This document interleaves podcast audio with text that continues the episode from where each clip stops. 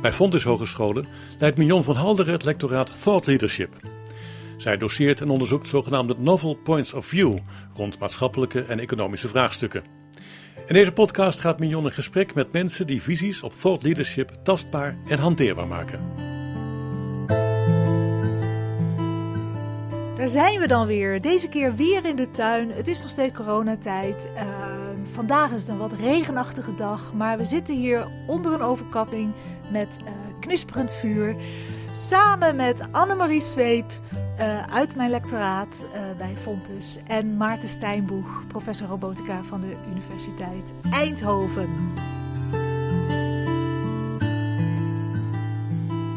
In deze podcast gaan we het hebben over de verlichtingstijd en wat we van die tijd kunnen leren over innovatie en transformatieprocessen.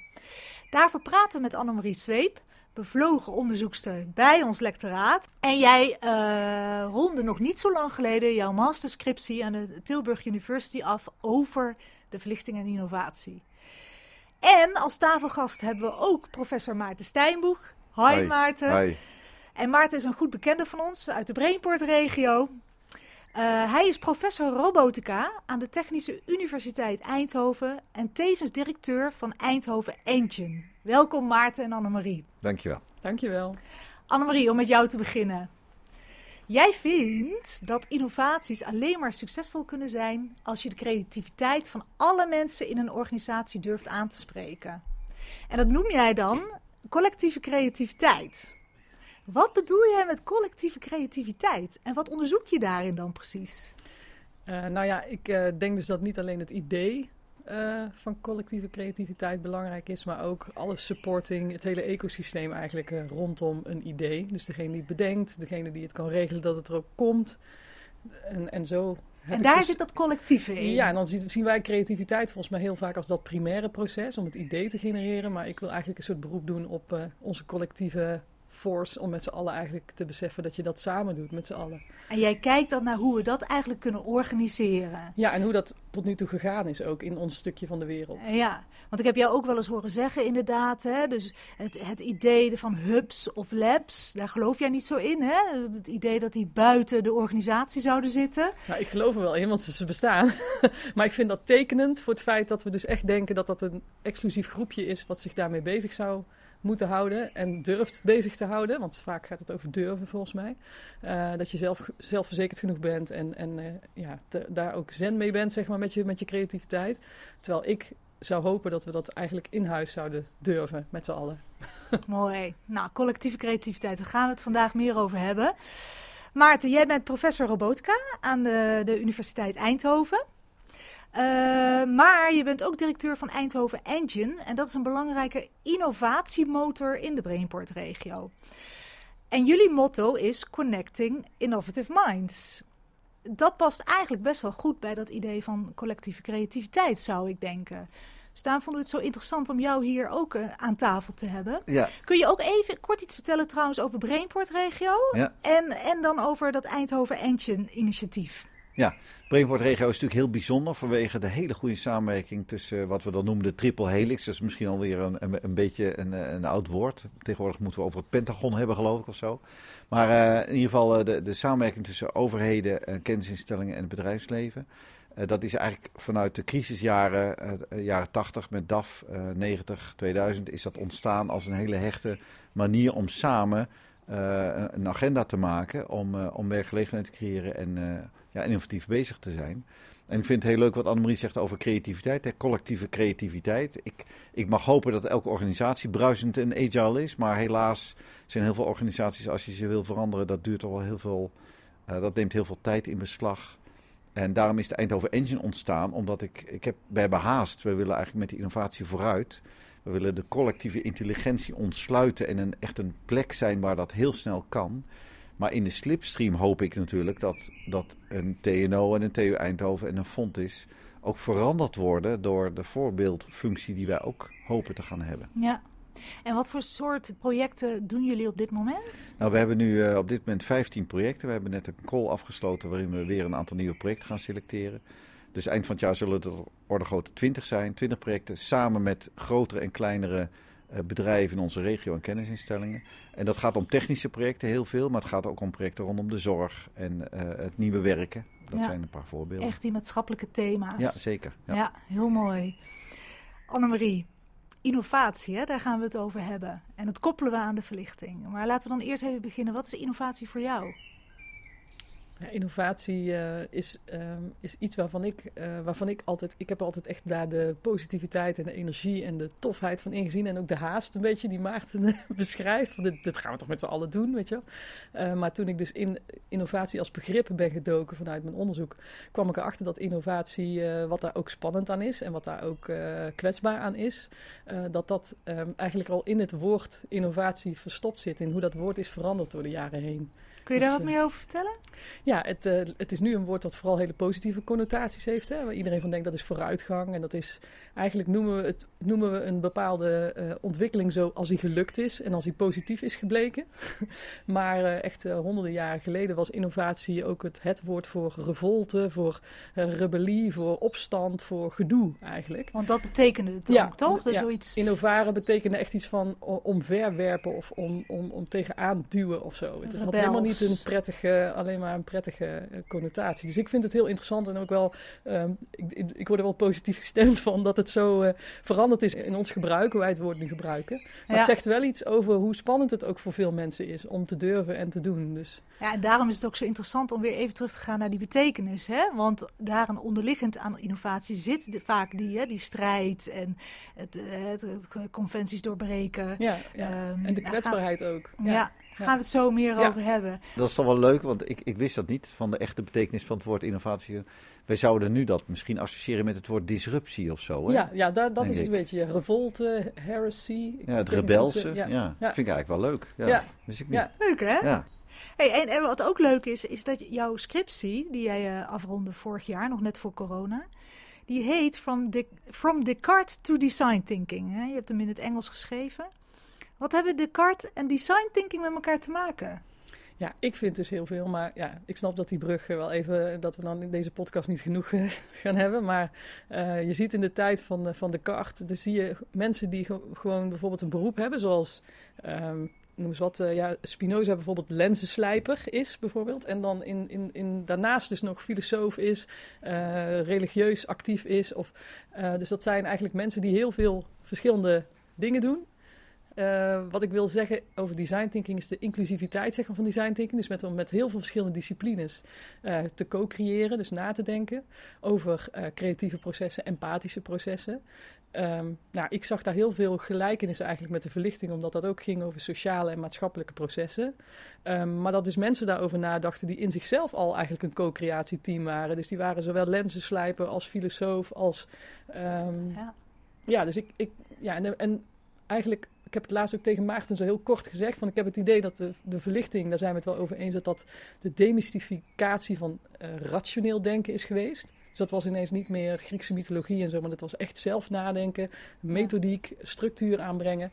En ik heb het idee dat design thinking een van de eerste belangrijke stappen is geweest, in mijn wereld in ieder geval, in de Brainport-regio, om creatief denken en empathisch denken op die manier te gaan inrichten. En Te dat dat niet- demystificeren. ja, te demystificeren. Dat dat niet een of ander eh, vaag iets is waar je in een huis in Frankrijk moet hopen dat het eh, de spirit over je heen komt qua inspiratie. Maar dat je daar echt eh, ja, gewoon een hele gerichte procedure voor kan hanteren en discipline. En dat het een proces kan zijn wat, waar je gewoon op kunt rekenen dat het mooie dingen oplevert. De verlichtingstijd. Wel- Welke tijd zitten we dan in? En, en wat is dat nou eigenlijk, de verlichtingstijd? Nou, als je de verlichtingstijd zo benadert als ik heb gedaan, kijk echt naar de vroege verlichting tot en met dat het uitgekristalliseerd was, zeg maar. Dan heb je het over 1630, zeg maar, tot eh, eind 1700. Dus eh, 1780, 1790. Dan eh, is er echt al een, eh, een soort van beeld op te maken van waar ging het over. En er was een grote sociaal-maatschappelijke verandering waarin de eh, verhouding tussen de macht, de religie en het volk onder druk eh, kwam te staan. Dus hoe zij met Ja, elkaar ja. werkten, zeg maar, dat, dat had een nieuwe vorm nodig toen. Maar dat is interessant, hè, Annemarie? Want eh nou, eh, hebben we het over from Descartes to design thinking. Mhm. Eh, maar we hadden het over innovatie. Dus design thinking helpt jou dus eigenlijk ook, hè, of kan ons helpen om innovatie eh, beter te begrijpen, eh, beter te doen. Ja, als ik design thinking aan. Ik heb het afgelopen jaar veel workshops gegeven voor ondernemers die in de shit zaten, zeg maar, door corona. En dan leg ik design thinking ook eigenlijk zo uit van het is een, eh, een manier waarop we gestructureerd uh, kunnen gaan werken. Uh, maar waarop empathie, dus je verplaatsen in iemand anders, en creativiteit, dus out of the box denken, andere dingen bedenken dan, dan gemiddeld, zeg maar, wordt, wordt bedacht in situaties waar dit over gaat. dat dat eigenlijk op een gestructureerde manier wordt ge ge, ge, gecultiveerd, wordt gezorgd dat dat gebeurt, dat dat lukt. Ja. Zeg maar. En die, uh, ja, dat, dat is design thinking voor mij.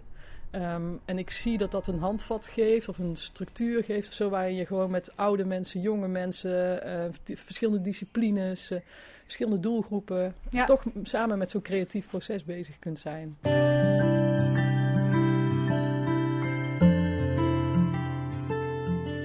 Design thinking heeft nogal een vlucht genomen de laatste jaren. Dat is wel een beetje een Ja, ja klopt. Uh, Wordt ook wel eens een beetje gezien als, nou, even door de design thinking wasstraat. Ja. Uh, alsof het een snelle methode is. En, uh, design washing. ja, design washing.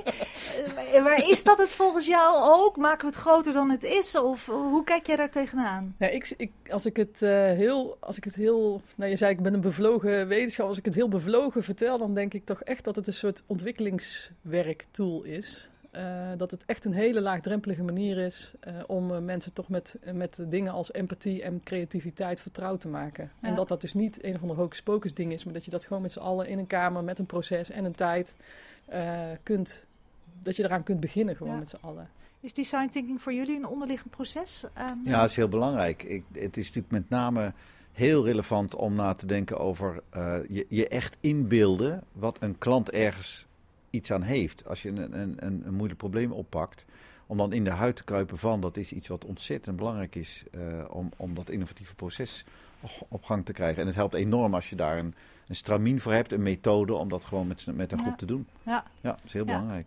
Een manier van denken en een manier van doen eigenlijk. Hè? En het is natuurlijk niet voor alle wetenschap, sec relevant. Hè? Als ik vanuit mijn vakgebied gewoon kleine epsilon-stapjes maak, ja, dan ga, kan ik lekker mijn werk doen. Zeggen, we hebben geen design thinking nodig. Maar als je een nieuw probleem pakt met een, een, groep mensen en je wil, je wil daar echt grote stappen maken, ja, dan, dan is het ontzettend belangrijk om dat op zo'n goede manier te doen. Ja, ja. ja mooi. Annemarie, uh, wat maakte het voor jou dat jij de verlichtingstijd indook om innovatie beter te begrijpen? Innovatie van deze tijd. Een unieke keuze eigenlijk. Ja, nou heel, heel plat geslagen, zeg maar, kwam het door een filmpje van Simon Sinek over uh, Why Leaders Eat Last. En daarin zegt hij dat er heel veel problemen in onze tijd zijn ontstaan, uh, omdat, het, uh, uh, omdat ja, in het Engels zegt hij dan um, managers violate de, de, de basic social contract, dat er dus eigenlijk is. En ik dacht, social contract, wat, wat, wat, wat? Dus ik heb dat opgezocht, wat dat is. Sinek zegt daar zelf verder helemaal niks meer over, nooit meer. Dus die dropt hem en die was weg. en toen had hij mij daarmee achtergelaten met een enorme theoretisch kader, waarvan ik dacht, oh, hier moet ik wel even wat meer van weten. Dus toen ben ik daar ingedoken en toen kwam ik in de, in de pruikentijd uh, terecht, zeg maar. Dus, uh, in de pruikentijd? in de pruikentijd, ja, ja. Maar ook een tijd van strijd, heb je mij wel eens verteld. Hè? Het, was, het was gevaarlijk om bepaalde ideeën te hebben. Ja, dat was heel gevaarlijk. Um, een heel centraal thema in de tijd uh, als je het over sociaal contracttheorie hebt. En we gaan denk ik nog over, uh, over Locke en Hobbes uh, hebben. Maar een belangrijk gedeelte is het ontworstelen aan de, aan, de religieuze, aan de religieuze dogmatiek die overal heerste. En Nederland was eigenlijk de enige plek waarin we iets van 32 kerken hadden of zo. En waarin de koning ook niet hoorde bij één kerk. En je ziet dus ook dat alle belangrijke uh, denkers, waar we het straks over gaan hebben, allemaal wel in een tijd of een bepaalde periode of ook hele lange tijd hebben gewoond of gewerkt in Nederland.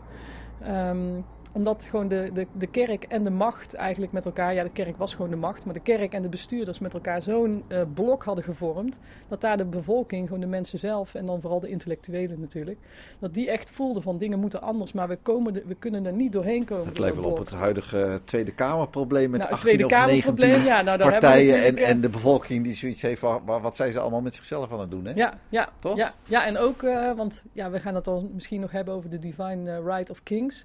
De verlichtingstijd is de tijd waarin uh, hele dappere mannen voor het eerst, uh, waar vooral mannen, jammer genoeg, maar goed, ik snap dat wel voor die tijd, maar dat ze zeiden van het, kan niet meer zo zijn dat de koning zegt ik doe dit, want God heeft mij gezonden om dit te doen. Uh, en de Divine Right of Kings is dus een soort van uh, ter discussie gesteld. Daarmee was het nog lang niet uh, verdwenen, maar het is in ieder geval voor het eerst ter discussie gesteld.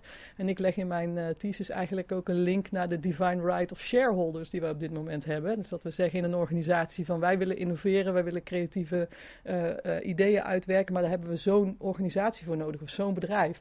En dan is het heel vaak dat de shareholders uiteindelijk de laatste stem hebben in wat je dan wel of niet zou mogen doen. Waarin je eigenlijk dezelfde struggle kunt herkennen als je een beetje fantasie hebt, wat ik dan zeg maar heb. ja, interessant, ja. ik moet gelijk denken aan, uh, ik ben in 2016 in Silicon Valley geweest en daar heb ik dat begrip uh, disrupt your mother gehoord. Hè, dat de grote bedrijven apart, aparte bedrijfjes maakten met de opdracht disrupt ons. Want wij kunnen het binnen onze eigen organisatie niet voor elkaar krijgen. En dat heeft natuurlijk te maken met niet, niet zozeer alleen maar die aandeelhouderswaarde misschien, maar ook wel, het zijn gewoon grote organisaties. Ja, de logheid. Waar dus, ja, de logheid, de inertia zit daarin. Ja. En, en als je dus echt iets wil veranderen, dan moet je iets afsplitsen. Dan moet niet de profit- en loslijn moet los zijn, zeg maar. Ja. En daarom hebben we eigenlijk ook de Eindhoven Engine gestart. Want, want mijn, mijn droom is dat ik de universiteit eigenlijk verander. Maar dat gaat niet van binnenuit. Nee, nee, nee. Althans, dat gaat veel te lang duren. En, en de Eindhoven Engine moet eigenlijk een soort disruptor zijn op de manier eh, van werken. Uh, juist om die innovatie te versnellen. Ja.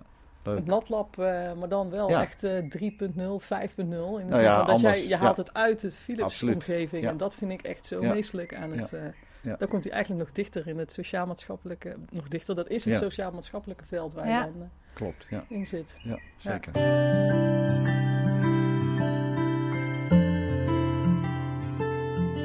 Toch nog even ook terug hè, op die...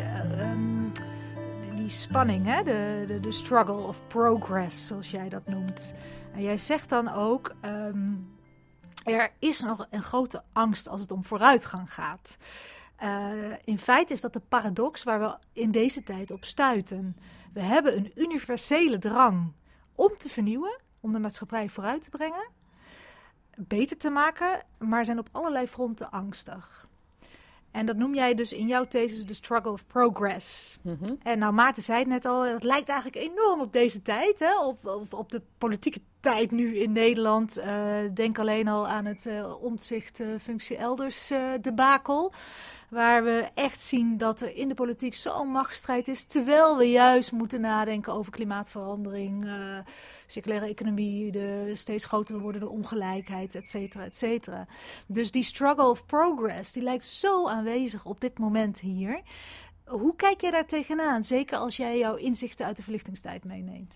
Ja, nou, ik vond het dus briljant natuurlijk dat Omzicht dat boek Sociaal Contract heeft genoemd. Want daar was ik dus drie jaar geleden, hè, drie ja. jaar daarvoor ook. Dat ik denk, ja, dit gaat, een sociaal contract, dat is misschien wel goed om nu te zeggen, gaat over een contract wat niet op papier staat met handtekeningen eronder, zeg maar. Maar dat gaat echt over een soort verstandhouding die je met elkaar hebt van wat zijn wij bereid te accepteren van jou als regering, als baas, als afdelingshoofd of, mm -hmm. of ook als innovatiemanager of innovatiepersoon. En wat krijgt die ander daarvoor terug? Dus ja. het heeft iets transactioneels, maar het, moet, het is een hele fijne balans die heel erg gaat over wanneer zullen, hebben we behoefte of vinden we het fijn om met elkaar samen te werken en wanneer niet. Ja. Um, en ik heb het idee dat er dus echt een vernieuwing nodig is van dat contract. En dat, dat zegt uh, Omzicht natuurlijk in essentie over zijn gedeelte, hè, over de politiek, maar ik echt specifiek over innovatie, culturen. Omdat als je, een, um, als je bijvoorbeeld in, in het industriële tijdperk, als je, je je uren ter beschikking stelt en je handjes, omdat je achter een uh, lopende band staat en iets staat in elkaar te zetten, is dat een best wel makkelijke deal. Weet je. je geeft mij geld, ik zorg gewoon dat ik die spullen in elkaar zet en ja. dan ga ik weer naar huis. Maar nu willen we echt ideeën van mensen. We willen concepten, we willen dat ze echt vernieuwend bezig zijn. En dat is voor heel veel mensen super spannend, super eng om te doen. En dan vraagt dat eigenlijk aan de overkant van een manager of van een organisatie waar die persoon voor werkt een heel andere transactie. Dan wil Ja. je veiligheid, dan wil je dat je de, dat you got your dat they got your back, weet je wel, dat je gecoverd wordt als Ja. er een keer iets mislukt. Daar hebben wij het volgens mij ook al vaker over gehad, hè? Van failure is, is, is sowieso gewoon een optie. Dan moet, het moet gewoon kunnen dat dingen mislopen. Als je dat wil weg, eh, wegpoetsen, dan, dan kan je niet innoveren. Dus dat zou al een uitgangspunt moeten zijn. Dus, want ik, ik denk dan, nou, hoe moet zo'n sociaal contract er dan uitzien? Weet je wel, moet je dan iets op papier zetten? Hoe gaat zoiets? Want het is bijna een verstandshouding. Er zitten ook impliciete, denk ik, regels in die je met elkaar afspreekt. Dan kun je toch niet verder gaan dan een soort van ontwerp. Van dit zijn een soort van de, de, de, de basismanieren waarop we met elkaar om willen gaan. Hoe, hoe zie jij dat voor je? Ja, nou, ik zie misschien om een heel actueel voorbeeld te noemen is toen wij uh, in de brainstorm sessies en in de workshop zaten met Maarten samen bijvoorbeeld. Dan zie je dat Maarten, uh, nou we zaten in een groep hè, met z'n allen. Design thinking, ja, in een design workshop, thinking pressure cooker. En we zaten ook met hele jonge mensen die nog net van school kwamen of nog net studeerden. En dan zie ik aan Maarten dat hij echt heel hard werkt om die andere, die studenten en de, de, de, de, mensen die nog net de arbeidsmarkt zijn betreden, om die een stem te geven, om ze mee te laten denken, om geïnteresseerd te zijn van vertellen jullie eens, hoe zien jullie dit? Maar dat ze dat toch spannend vinden. En dan denk ik, ja, dan heb je echt zo'n sleutelfiguur nodig die autoriteit heeft, die dat durft te doen, of durft, die dat belangrijk vindt, zodat anderen iets durven te brengen en durven te geven. Want ja, je kunt niet meteen de, de bijdrage leveren misschien die je wilt. Iedereen moet dingen leren. Ja. Maar je moet wel de veiligheid voelen om mee te mogen doen, uh, denk ik. Dus daar zijn uh, managers heel zou, belangrijk Ik zou voor. als antwoord geven, er moet, ik zou daar niks van op papier zetten. Het is juist een cultuur in een Ja, bedrijf. Het heeft wel. iets met, met, met leidinggevende kwaliteiten te maken van mensen. Het is de cultuur in, in, in bedrijven. Je moet ook denken aan zelfsturende teams. Dat, heeft, dat, heeft, dat past ook een beetje erbij. Hè? Dat je dus het vertrouwen geeft aan mensen dat ze het zelf kunnen. Dat ze hun eigen werk kunnen definiëren. Ja. Dus het, ik denk dat het ook te maken heeft met de nieuwe cultuur van, van, van leiding geven samen met, met anderen. Ja, Dus, maar eh, jij geeft op zo'n moment geef jij echt veiligheid. En, en dat is wat je dan als leider moet. Ja, Ja. Dat, dat, dat klinkt als een open deur, maar dat ziet er heel anders uit op de battlefield, zeg maar, in een oorlog, Ja. dan in een groep waarin je ideeën wilt. Want Ja. het is echt kwetsbaar om iets te roepen wat nieuw is, of, of wat anders is, of wat anderen nog nooit misschien hebben gehoord. Maar wat ik dus nu hier hoor, hè, want wij, brengen eigenlijk, we hebben het over een sociaal contract. Nou, dat zag je, zie je sowieso nu terug in de politiek, hè, het boek van Omtzigt. Maar jij gebruikt dat sociaal contract eigenlijk over om te zeggen van ja, we hebben ook een sociaal contract voor innovatie nodig.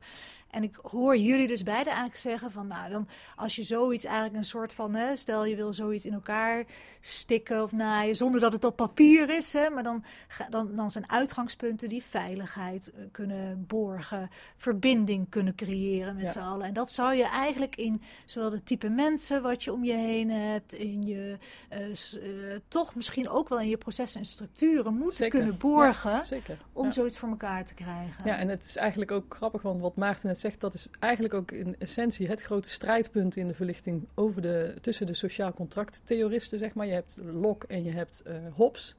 En Locke, eh, die gelooft echt in wat Maarten zegt, van mensen kunnen met elkaar gewoon hele mooie dingen doen als ze zich veilig voelen en als ze de ruimte daarvoor krijgen.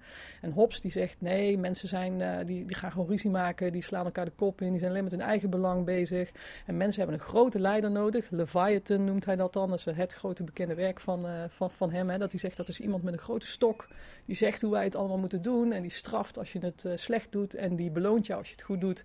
Dat hebben mensen nodig. Nou, met Rutger Bregman, hè, van de meeste mensen deugen, zie je dat in deze tijd echt een appel wordt gedaan van... hé, hey, maar zijn mensen eigenlijk wel zo?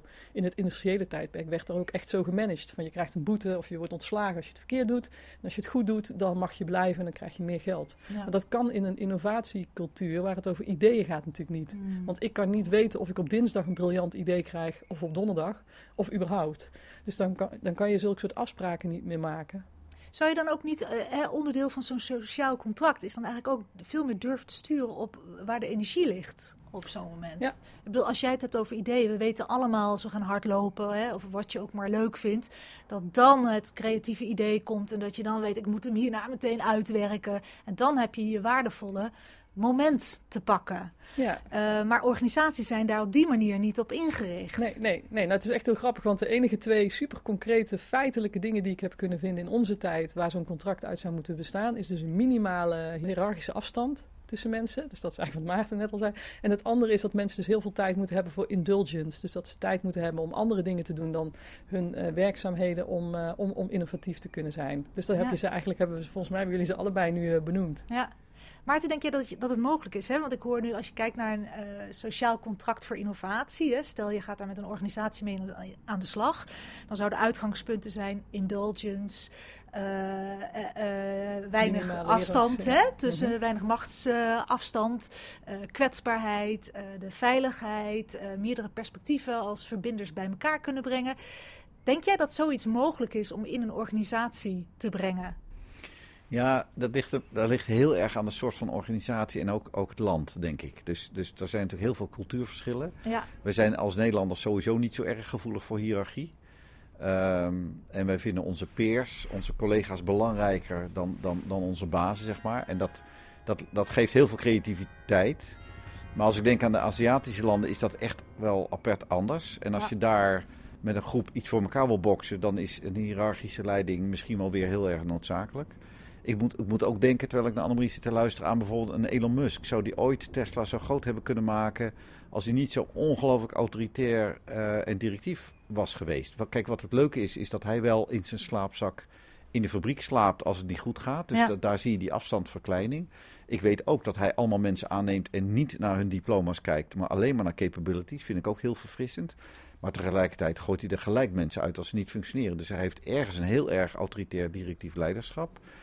En, en, en dan denk ik, ja, als hij nou zo was geweest van, van, van, van samen met z'n allen en vertrouwen, zou die dan ook zo'n tent hebben kunnen opbouwen. Dus, Ja. dus, dus Ja, ik weet niet of samen met z'n allen en vertrouwen, want vertrouwen werkt natuurlijk ook, te- is een two-way street. Zeg Ja. Als je het idee hebt dat iemand maar zit, te- als je Jobs kijkt, was het natuurlijk ook gewoon, eh, wat, ik, wat ik van Jobs dan weer Ja. verfrissend vind, is dat hij, wat hij heel goed kon, volgens mij, is niet van tevoren al een hoepeltje hebben waar mensen doorheen moeten springen, ja, maar wel gewoon een onmogelijk ding schetsen Ja. en dan zeggen, ja, jullie kunnen dit. Jullie Ja. kunnen dit. En dat die mensen Jobs, gewoon in hè? paniek, ja, dat Ja. mensen dan in paniek raakten en dachten, dit kunnen wij helemaal niet. Maar dat hij Ja. ze gewoon door zo'n fuik trok van, ja, maar je gaat het toch proberen. ja, ja, Dat is op een hele andere manier Ja. toch vertrouwen geven. Ja. eh, waarin je zelf nog heel autoritair kunt zijn, maar Ja. dan is het sociaal contract in orde. Want mensen denken, oh, maar de- hij heeft wel echt iets, hij heeft Ja, wel ja, echt iets ja. te pakken. Ja, weet je? Ja, Ja. helder. Ja, En- Maar ik vind het wel interessant ook wat Maarten zegt. Want het doet mij ook denken aan, ehm, eh, aan een boek wat ik laatst las. Waarin ook du- duidelijk stond van ja, weet je, zelforganiserend vermogen. Daar willen we nu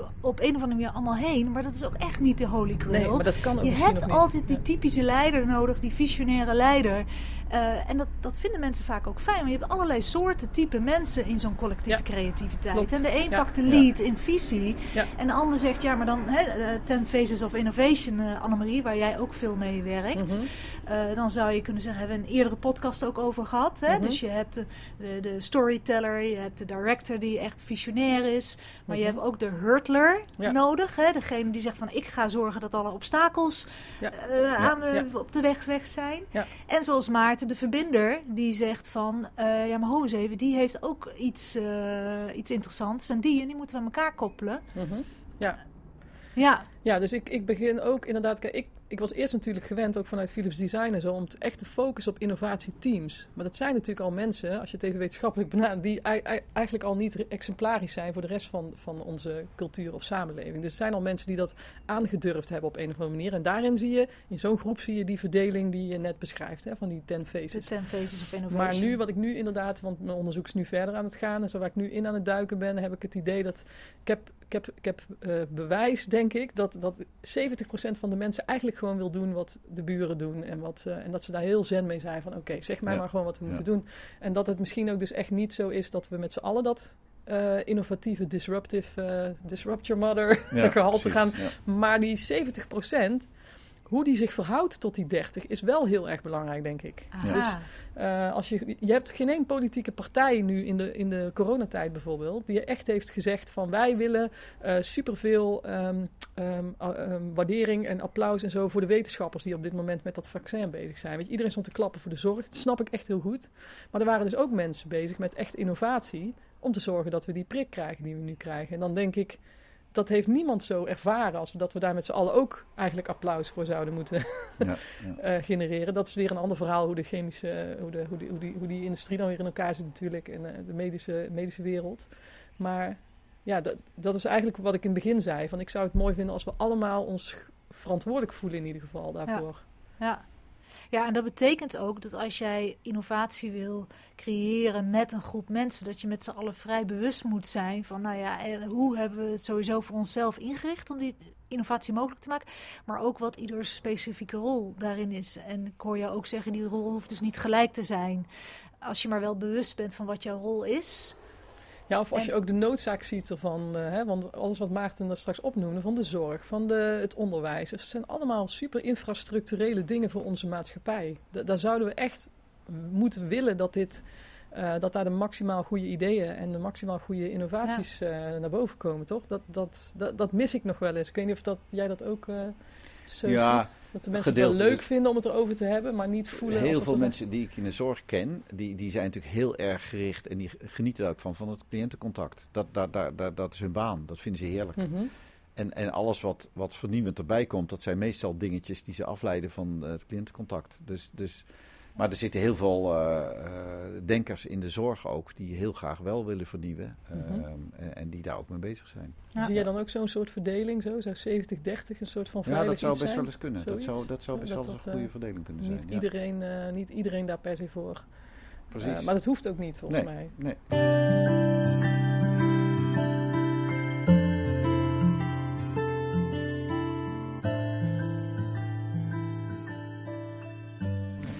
Maarten, maken jullie afspraken qua samenwerking bij Eindhoven Eentje?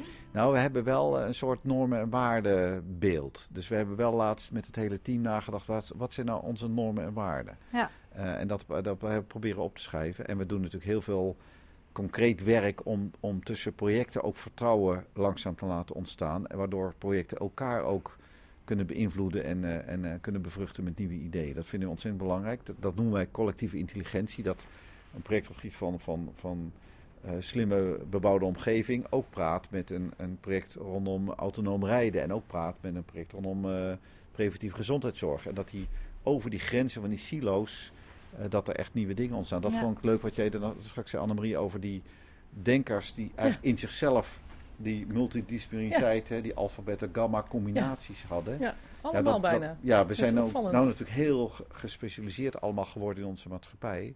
En we hebben, we hebben die verbinding nodig tussen al, al die alfa, beta en gamma mensen, juist om verder te komen. Ja. En alle grote maatschappelijke thema's die raken aan de alfa kant en de beta kant en de gamma kant. Dus je hebt het allemaal nodig om echt eh, door te gaan. Ja, mooi. En dan zeg jij verbindingen, hè? dat brengt voor mij weer even het bruggetje naar communicatie. We hebben veel communicatiestudenten eh, bij Fontes. En wat mij altijd wel opvalt tijdens bijvoorbeeld, je hebt een brainstorm sessie hè, of wat dan ook, is hoe snel mensen toch de neiging hebben om ofwel uitsluitend of wat zelfbevestigend te kunnen spreken. Hè? Dus voorbeelden, eh, ja, laten we nou niet allemaal van die vergezichten hebben. Uiteindelijk moeten we het gewoon doen. En ik vind het zelf persoonlijk gevaarlijke opmerkingen. Eh, want daarmee sluit je het een uit van het ander. Het denken van het doen. Eh, andere voorbeelden zouden kunnen zijn. eh, hè, laten we nou ophouden met al die hype-termen of met nieuwe termen erin te gooien. Eh, in mijn optiek hebben nieuwe termen heel veel creatieve waarde. Hè, want je appelleert weer naar iets nieuws, waar we misschien nog niet helemaal de juiste term voor hebben, hè, maar daarom spelen we met woorden. Hoe zie jij dat? Moeten we, moeten we ook niet naar onszelf kijken in termen van hoe we met elkaar communiceren in innovatieprocessen? Ja, ik denk dat het heel belangrijk is. Ik eh, heb eh, binnen, eh, ja, binnen Philips daar veel, hè, veel verschillende groepen mogen zien, verschil- verschillende onderzoeksgroepen. En ik, ik denk dat, de dat het heel erg onderschat wordt dat de mate waarin hoe ze communiceren met elkaar bepalend is voor hoe succesvol ze zijn. Hm. Want je gaat uiteindelijk ga je kijken naar patenten, ga je kijken naar wat mensen met elkaar ontwikkeld hebben, maar de, de weg daar naartoe. Ik geloof echt dat daarin. eh, en, en daar heb je natuurlijk ook een beetje grofweg dan wel dat eh alpha, beta, gamma verhaal in. Omdat je als je heel rationeel, als je rationeel ten opzichte van intuïtief en empathisch en Ja. creatief zet. Mensen die dat allebei hebben en die dus ook kunnen shapeshiften, zeg maar, op het moment dat dat wenselijk is. Dat zijn echt de mensen die je wil hebben. Ja, En- en- shapeshiften, wat bedoel ja, je ja, daarmee? shapeshift is mijn eigen, dat vind ik gewoon echt zo'n gaaf woord. Maar ik heb ontdekt, volgens mij als facilitator binnen Philips, van waarom bepaalde mensen goede facilitators zijn, is volgens mij wanneer het over een technisch proces gaat, dat zij dan kunnen shiften naar het creatieve en naar het Ja. empathische proces. En wanneer het eh, eh, over creativiteit en empathie gaat, dat je dan de techniek, de, de haalbaarheid, de, een beetje meer weer de, de blauwe kant, zoals we dat al vaak ja, eh, heb ik dan ja. als shapeshifters Ja. betiteld. Van volgens mij zit er een geheime, geheime sleutelfiguur steeds in dat soort processen. Of meerdere, Ja, die dat allebei hebben. en dat, dat, moet een is dus- facilitator hebben, hè? ja, facilitator eh, is, is denk ik ja, dus een, een, een vroedvrouw of man die twee kanten op kan eh, bevallen. Zeg. De bevalling Ja, op twee kanten kan. ja. Maar dat is ook weer interessant voor de Brainport-regio, vind ik. Hè? Want Brainport kenmerkt zich high-tech design. Ja. Hè, designers zijn veel empathischer vaak. En high-tech mensen die zijn veel analytischer. Eh, Maar ik wil het natuurlijk niet heel erg... eh, Nee, maar dat is wel, ja, dat is Uit- ook waarom, waarom design maar- thinking natuurlijk zo succesvol is. Hè? Omdat dat toch een soort van, het wordt gebracht als designers en, en ontwerpers die kunnen vanuit een soort gut feeling of zo een mix maken van techniek, eh, empathie, eh, creativiteit. Dus de- die, die, die spelen veel meer met al die verschillende denkstijlen, denk Ja, ik. Het is wel heel bijzonder dat design in onze regio zo, zo groot is geworden. En Ja. dat dat zo'n prominente plek heeft gepakt. Ja. Daar ben ik ontzettend blij mee als compensatie voor inderdaad het soms wat eenzijdige technische eh, gefocust zijn. Dus ik, ik denk dat dat heel mooi is. Die combinatie is natuurlijk toch wel uniek. ja, hè? Ja. Denken jullie dat jullie daar vanuit Eindhoven Engine ook nog meer uit zouden kunnen halen? Jullie zijn natuurlijk wel echt vanuit de Technische Universiteit zeg maar, geboren. Ja, maar gelukkig hebben wij een faculteit Industrial Design. eh, Ja. Die eigenlijk op bepaalde aspecten gewoon, zeg ik wel eens, tien jaar vooruit loopt op de andere faculteiten. Ook qua, qua eh, model voor onderwijs en, eh, en qua denken. Dus we hebben daar heel goede relaties mee. En we doen daar samen ook mee een stukje onderzoek in de Eindhoven Engine. Ja. Samen trouwens met de faculteit Industrial eh, Design en Innovation Sciences. Dus, eh, en ik ben blij met de relatie met Fontis. Hè, met Ja. mensen zoals jullie die gewoon vanuit een ander perspectief ook meedenken. ja, Ik denk dat het heel, heel belangrijk is. mooi. En de Design Academy, doen jullie daar ook nog wat Daar hebben we wel contact mee, maar nog, nog niet zo heel veel. Ja. Dus daar, dat zijn we nog aan het exploreren. Hoe Mooi. dat zou kunnen. Ja. Ja, zou ook mooi zijn.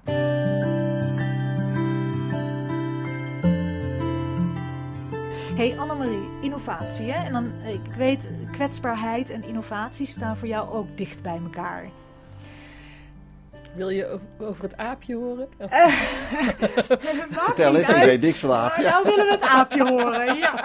nou, we hadden laatst zo'n gesprek dat ik tegen Mignon zei van het is een beetje zoals ja, ehm, Niels die noemt, een collega van ons noemt, heeft het altijd vaak over eh, een heel interessant experiment dat als er een, eh, een, een gro- een groep apen iets wordt geleerd, eh, dat, eh, dat dan eh, wanneer de laatste aap die het echt gezien heeft hoe iets werkte, zeg maar, uit het groepje is verdwenen vanuit, eh, omdat die overleden zijn of omdat ze, dat dan toch nog steeds de kennis op een of andere manier wordt, die, die, die, die blijft bestaan in dat groepje. Een, eh, een spin-off daarvan, waar wij het laatst over hadden, zei ik van ja, maar eigenlijk is met innovatie ook zo. Van je hebt een groep en een van de, van de aapjes die durft iets te doen, die gaat bijvoorbeeld langs een klif lopen en ontdekt dan een, weet ik veel, een plek waar heel veel eten is. Of weet wat, in het beste geval. Of hij dondert in het, in het klif, weet je en dan is het gewoon mislukt, eh, dat, eh, de hele expeditie van dat aapje.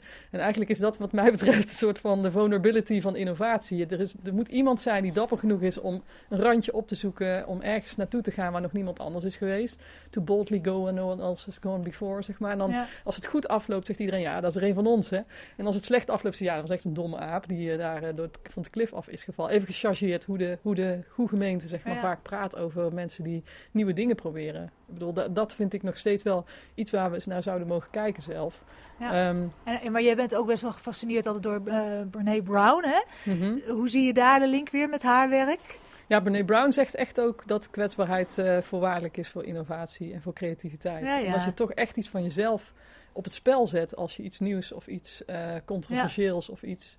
Eh, ook als je eh, disrupt your mother zei er straks, wel, als je tegen je ouders ingaat bijvoorbeeld of zo, dat is, vinden heel veel mensen echt super spannend. Nou, Ja. In het groot kan innovatie dat ook natuurlijk zijn, dat je in een groep zit en dat je zegt, maar jullie, ze- jullie zeggen dit allemaal, maar is dit wel zo? Ja. Of, eh, of doen we dit wel goed? Of moet dit niet anders? Ja. Ja, en dat vind ik dan toch weer, dat was, vind ik zo interessant aan jouw onderzoek ook, hè, de struggle of progress.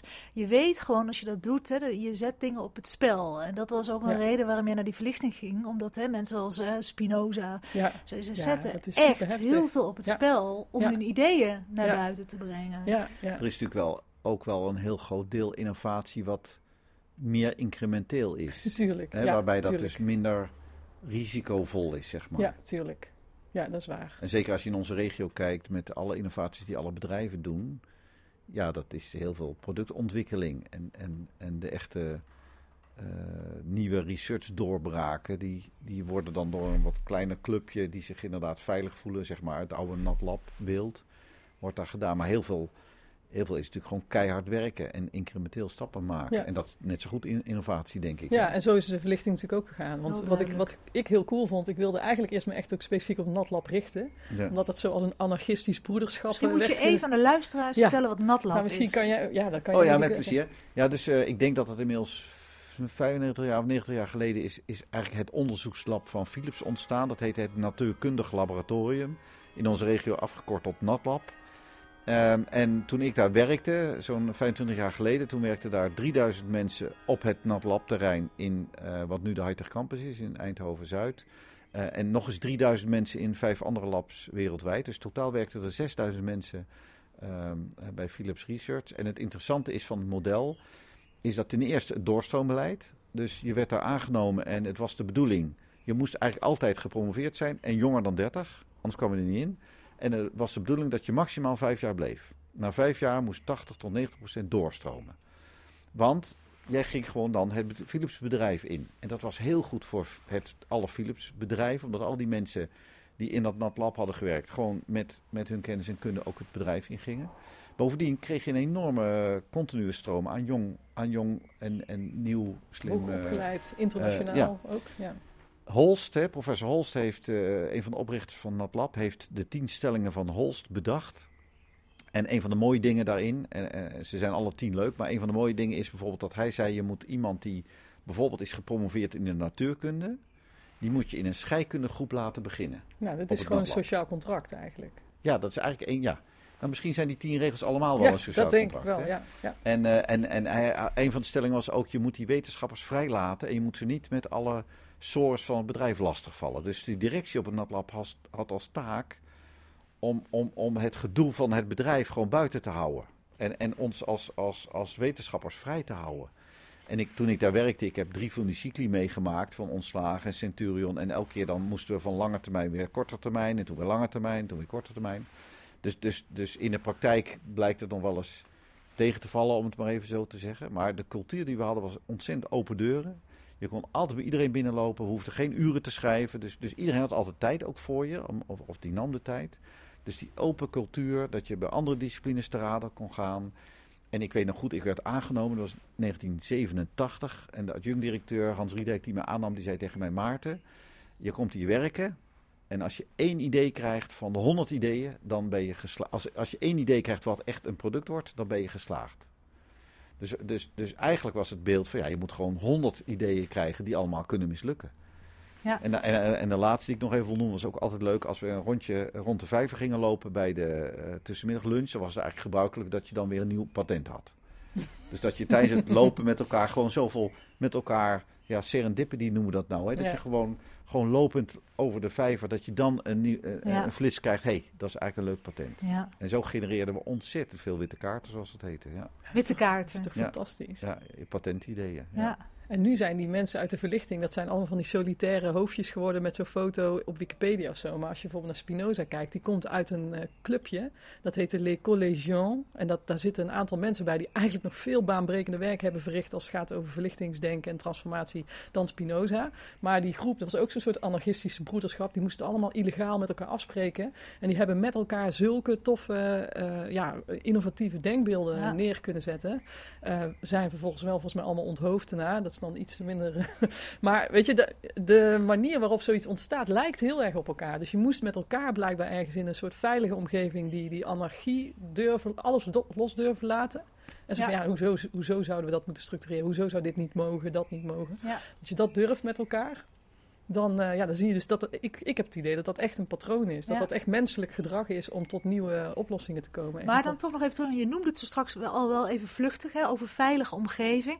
Veel van die eh, denkers uit de verlichtingstijd kwamen ook naar Nederland. Hè, omdat zij Ja. hier echt het gevoel hadden dat ze vrij konden denken. Welke, welke kun je daar een paar van noemen? Ja, ze allemaal. Dus, eh, Allemaal? Ja, ja nou, bijna allemaal. Dus ik, heb, ik was in het Frans, in het Frans Hals Museum. is een heel mooi, sowieso een aanrader om naar het. Frans Hals Museum te gaan. Maar Frans Hals heeft de kaart ook geschilderd toen In de kaart in? Nederland was. Ja, in Haarlem. Eh, dus de kaart is in Nederland geweest. Lok heeft een lange tijd in Nederland eh, gewoond. Eh, Kant heeft in, volgens mij... Allemaal, het, is, het werd op een gegeven moment, werd het, ik voelde me echt een beetje zo'n Da Vinci-theorie, hoe heette die, dat boek ook weer, van de Da Vinci-code of zo. Dat ik dacht, Ja. nou dat meen je niet. Ze komen allemaal naar Nederland en dan blijven ze hier een tijd wonen. En dan schrijven ze gewoon bijna alles wat eh, Descartes volgens mij geschreven heeft, Ja. heeft hij in Nederland geschreven. Ja. Omdat het hier kon en omdat, ja, het was al niet, niet per se heel veilig overal. Maar hier was echt de plek waarin Ja. heel veel uitwisseling, heel veel internationale. Dus eigenlijk wat je ook noemt, van door die, door die regels binnen NatLab kwamen er ook heel veel internationale mensen volgens mij. Dus heel veel culturen Ja. die met elkaar, eh, dat was hier Ja. ook Daarom zo. ben ik eigenlijk ook wel ontzettend eh, positief over de toekomst hoor. Want eh, Mignon, jij daar straks zei je van ja, want we zitten toch in een moeilijke tijd en we twijfelen allemaal aan de politiek en zo. Maar als ik kijk van wat we met z'n allen doen als Nederland, dan doen we het ontzettend goed. Ja. We zijn een piepklein landje en we staan toch ontzettend hoog op alle economische ranglijstjes. Ja. En, en de technologie gaat verder en vooruit. En in deze tien jaar verandert de auto meer dan de afgelopen honderd jaar. Zowel qua slimmigheid als ook qua aandrijving. Ja. Dus om maar een voorbeeldje te noemen hè, van alle ontwikkelingen die gaan zijn. En, en met klimaat zijn we denk ik nu eindelijk echt goed bezig. Dat gaat zo snel. Ja. En, en ik vind dat we daar, daar als Nederland een hele goede rol ook, eh, ook in pakken qua innovatie. Dus Ja. ik, ik ben voor de toekomst ook heel positief. En dat heeft iets te maken ook met die, met die manier waarop wij Nederlanders zijn. Dat we dus minder gevoelig zijn voor hiërarchie en meer bezig met, met elkaar en, en elkaar ook eh, qua goede ideeën bevruchten. Wat mooi. die, die internationale studenten van de Mino, waar ik met Niels eh, samen en nog een aantal collega's werk, daar zie je ook dat de internationale studenten ook naar ons toe komen, omdat ze gewoon die Brainport-regio en het innovatieve karakter, en dan met name ook Aziatische studenten, weet je, Ja. die zijn super geïnteresseerd in wat gebeurt daar nou Ja. precies eh, anders dan bij ons. Weet Ja. je, Ja, net zoals bij wij, ASML, ja. daar werken nu 108 eh, of 120 nationaliteiten of zo. Ja. Ja. Eh, ASML is nu het grootste bedrijf qua beurswaarde van Nederland. En het, ik geloof één of twee na grootste van Europa. hè. Dat is toch heel bijzonder. Dat gebeurt allemaal hier vlakbij. Toch, hè? Ja. ja. Gaaf, Ik vind het echt leuk om naar jullie te luisteren. Hè? Dus, dus wat ik ook echt hoor, innovatie staat natuurlijk. Hè, Nederland is ook karakteristiek hè, voor innovatie. We zijn een heel innovatief land. Dat vergeten we misschien soms wel eens. Dat zeg jij heel duidelijk, Maarten.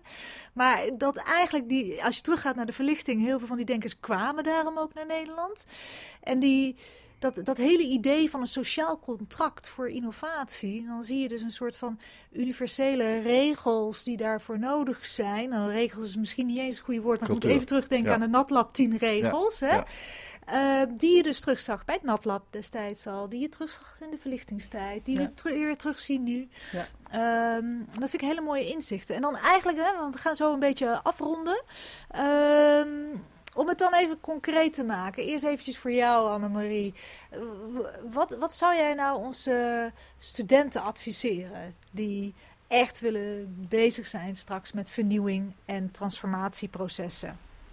Ja, dat je echt heel erg probeert om je empathische potentieel, je allerhoogste potentieel. Want als je bijvoorbeeld vertelt, eh, Maarten net van iedereen die scheikunde heeft gestudeerd moet een tijdje in een natuurkundegroep zitten. Dat is een super empathische, slimme manier van managen natuurlijk. Dan heb je echt nagedacht Ja. over. Dus een Dus hybride leeromgeving, hè, wat Ja, we nu doen, bijvoorbeeld, crossdisciplinair. Ik denk überhaupt, ja, dus, dus, dus denk na wat empathie voor jou is en in hoeverre jij daar skills in hebt. En die, die kunt ont want dat is volgens mij gewoon ook niet heel snel te automatiseren, om het maar even vanuit de angst eh, te, te, te. Van, van, maar voor progress is het volgens mij voorwaardelijk voor mensen. Hoe Ja. Empathischer je bent, hoe sneller je kunt schakelen, hoe sneller je kunt zorgen dat iedereen eh, met jou mee eh, eh, gaat. Ja. Dus empathie, denk ik. En ja, het, het demystificeren van creativiteit.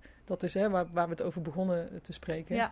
Ik denk gewoon dat we niet moeten gaan denken dat dat iets magisch is en iets heel eh spannends is, maar ook een, gewoon een incrementeel proces, een hard werken proces waar je heel veel met discipline en meters maken kunt bereiken. Ja, Dus die mooi. twee, eh, ja, ik vind empathie en creativiteit wel twee magische ingrediënten van, van onze regio. Als we daar, eh, als we daar Ja. flink gas op kunnen geven, dan komen die patenten volgens mij verder van, vanzelf. Omdat je toch al zoveel slimme collectieve intelligentie Ja. eh, hebt. En Maarten? Ja, als ik, eh, als ik iets tegen studenten zou willen zeggen, dan, dan het eerste woord pak ik over van jou, Annemarie. En ik, ik noem het dan niet zozeer empathisch, maar gewoon luisteren. Probeer waar te nemen. Probeer heel bewust te luisteren naar andere mensen. Wat zeggen andere mensen eigenlijk? Dus soort luisteren vind ik heel belangrijk.